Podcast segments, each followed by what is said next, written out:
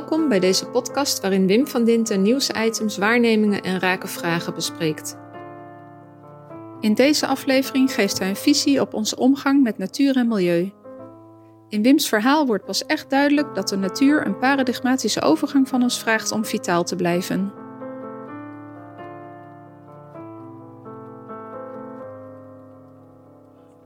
De Verenigde Naties hebben nu een conferentie belegd over biodiversiteit. Die was al twee jaar uitgesteld en wordt nu gehouden in Montreal deze en volgende week. En ja, als je daar naar kijkt, uh, dan zie je in de krant dat weer alle stormballen worden gehesen, dat het helemaal fout gaat met de natuur kun je zelf ook waarnemen. Als je met je auto rijdt in, je, in de zomer en zat je auto eruit vol met insecten. En nu blijft je auto eruit schoon, om maar een voorbeeld te nemen. Maar de zwaluw heeft daar natuurlijk meer last van, want die heeft geen eten meer. En dat gaat natuurlijk ook op voor heel veel andere dieren die van insecten leven. Terwijl wij eigenlijk heel weinig weten over de invloed van onze insecten in ons leven. De natuur die is achtergebleven als een ja, kindje wat je te weinig aandacht geeft, want alle invloed was, aandacht, invloed was gericht op het klimaat, milieu. Als je in de Wikipedia kijkt, dan vind je onder milieu dat er ook de natuur onder valt. Maar dat is natuurlijk toch wel even iets anders. Als je het hebt over milieu, gaat het over hoe wij ons hebben hoe wij ons gedragen en hoe wij onze instituten hebben ingericht en hoe wij ehm, aandacht en waardering geven voor al wat we doen. Wat voor ons betekenis heeft en hoe wij betekenis geven. Dus als je naar een econoom kijkt, dan geeft die betekenis in de vorm dat mensen systemen zijn die heel rationeel zijn en die geen gevoelens of emoties kennen weinig zintuigen hebben. Uh, de econoom kijkt naar modellen die er overheen gelegd worden. En drukt dan alles uit ook nog in een nut wat het voor mensen heeft. En dat nut geeft dan nog de dimensie geld en getallen. Dan, dan is de wisselwerking die in de natuur ontstaat natuurlijk heel ver weg. En als je alles uitdrukt in geld en getallen, wil je dus ook het milieu uitdrukken in geld en getallen. En dat zag je terug in de Parijse conferentie, die met applaus werd begroet en hiep hiep hoera, geweldig. Maar alles stond in de dimensie geld en getallen en vooruitgang voor mensen. En de mens stond nog steeds centraal. De mens niet in wisselwerking met de omgeving, waarbij de mens zich moet schikken naar de omgeving om te zorgen wat daarin leeft ook door kan leven. Dat stond niet centraal bij de akkoorden van Parijs. Daar stond centraal hoe wij met onze instituten ons zo kunnen gedragen dat er percentagegewijs minder CO2 wordt uitgestoten en minder stikstofoxide ontstaan en nog wat van dat soort elementen. En de gedragingen en welke doelen er gesteld moeten worden en hoe dat moet, stonden steeds, en, stonden steeds in het licht van een economisch perspectief.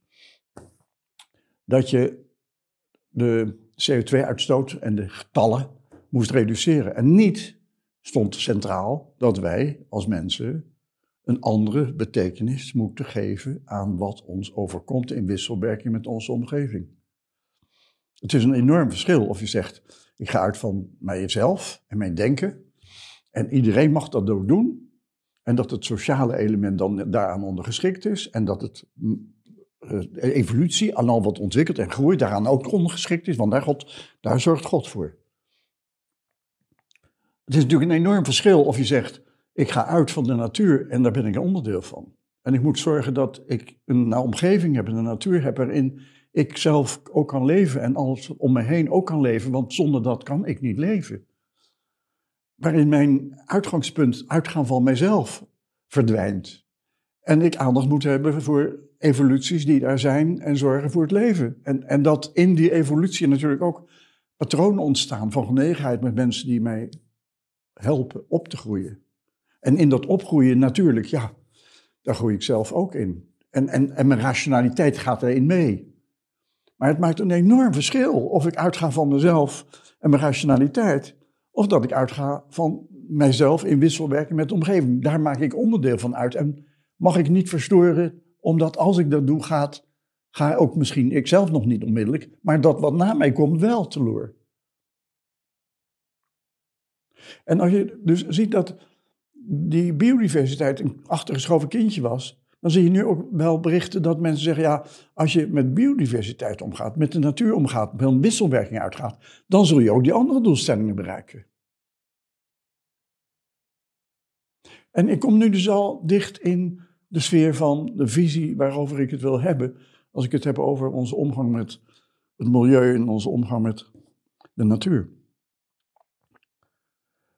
Het is ondenkbaar voor mij dat je het op kunt lossen met dwangmatige maatregelen door instituten en regeringen en al helemaal niet in een democratie die daarop niet is ingesteld, want daarin hoort een overheid en een gouvernement helpend te zijn aan de burger en die niet te dwingen.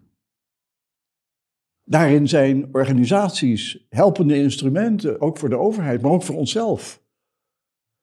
En niet dwangmatige constructen die zichzelf afrekenen in winst en groei en geld en getallen. Een visie, een visie op milieu en natuur die we nodig hebben gaat uit van wisselwerking en waar wij dan deel van uitmaken en waarin wij wel hopelijk nog wat ruimte hebben om ook van onszelf uit te gaan. En waarbij we kunnen profiteren van wat al bereikt is, maar waar het fundamenteel gaat om het fenomeen dat wij moeten veranderen in ons gedrag. En dan niet met een plastic zakje of zo, niet meer. Of al die andere kleine dingetjes die dan worden opgegeven als verandering en worden uitgevent als iets groots. Nee, het wezenlijke punt is in het milieu dat wij niet meer in een construct worden geholpen met dwang en getallen die de overheden over ons afdrukken, en zeker niet in een democratie, maar dat we een proces ingaan waarin wij zelf veranderen. En dat veranderen heeft dan dus alles te maken met hoe wij betekenis geven.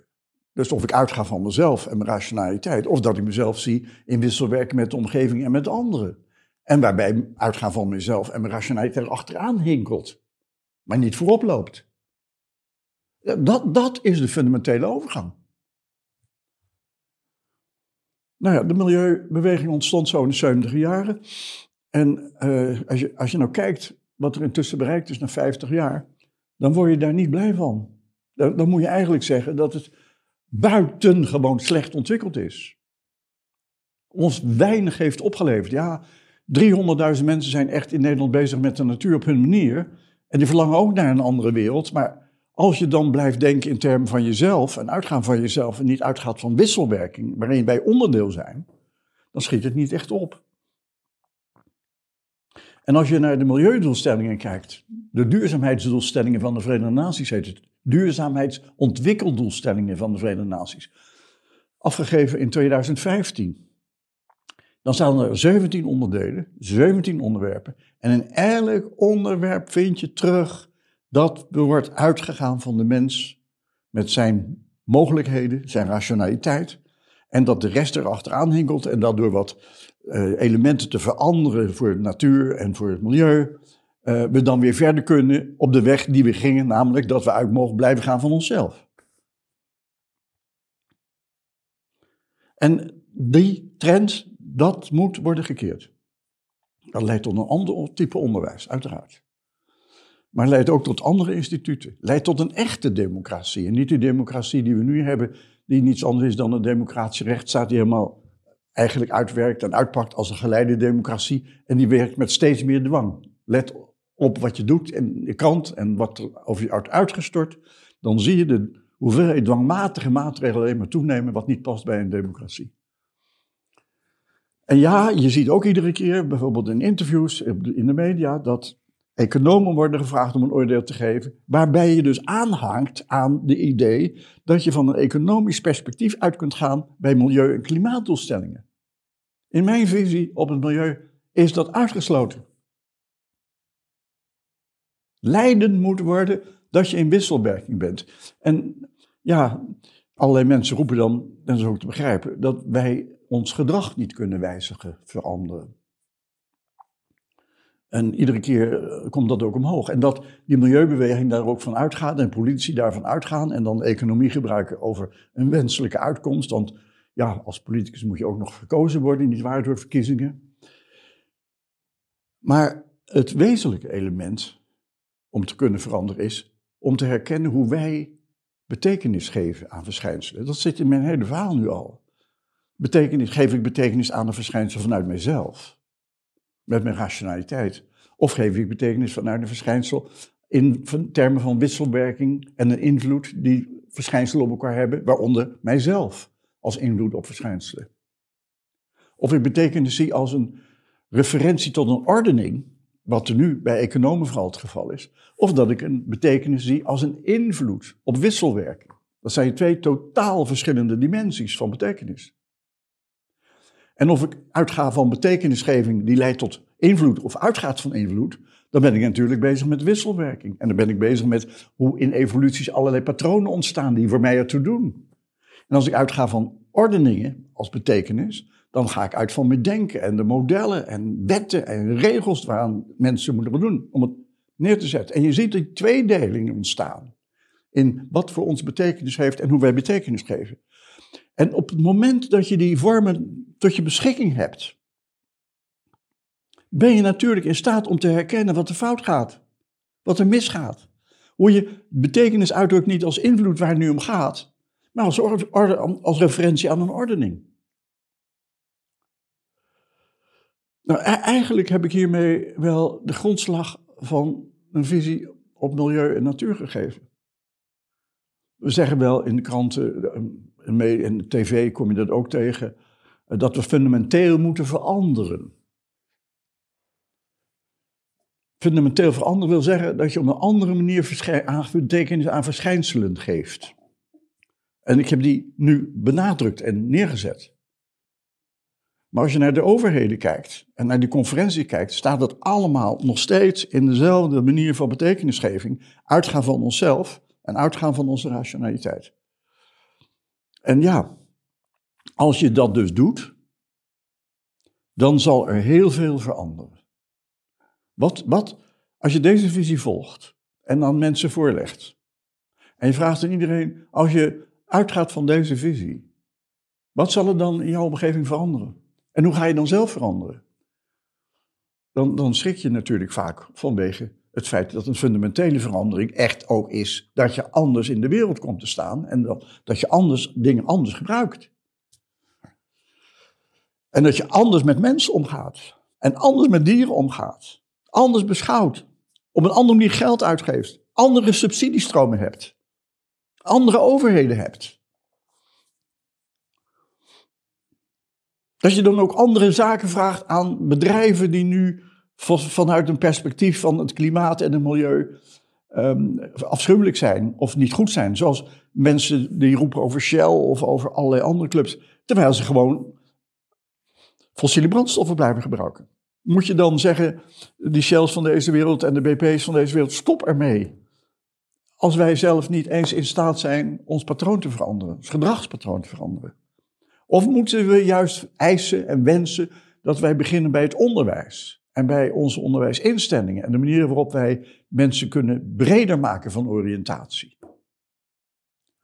Nou, daar wil ik het de volgende keer wel met u over hebben. Dank u wel.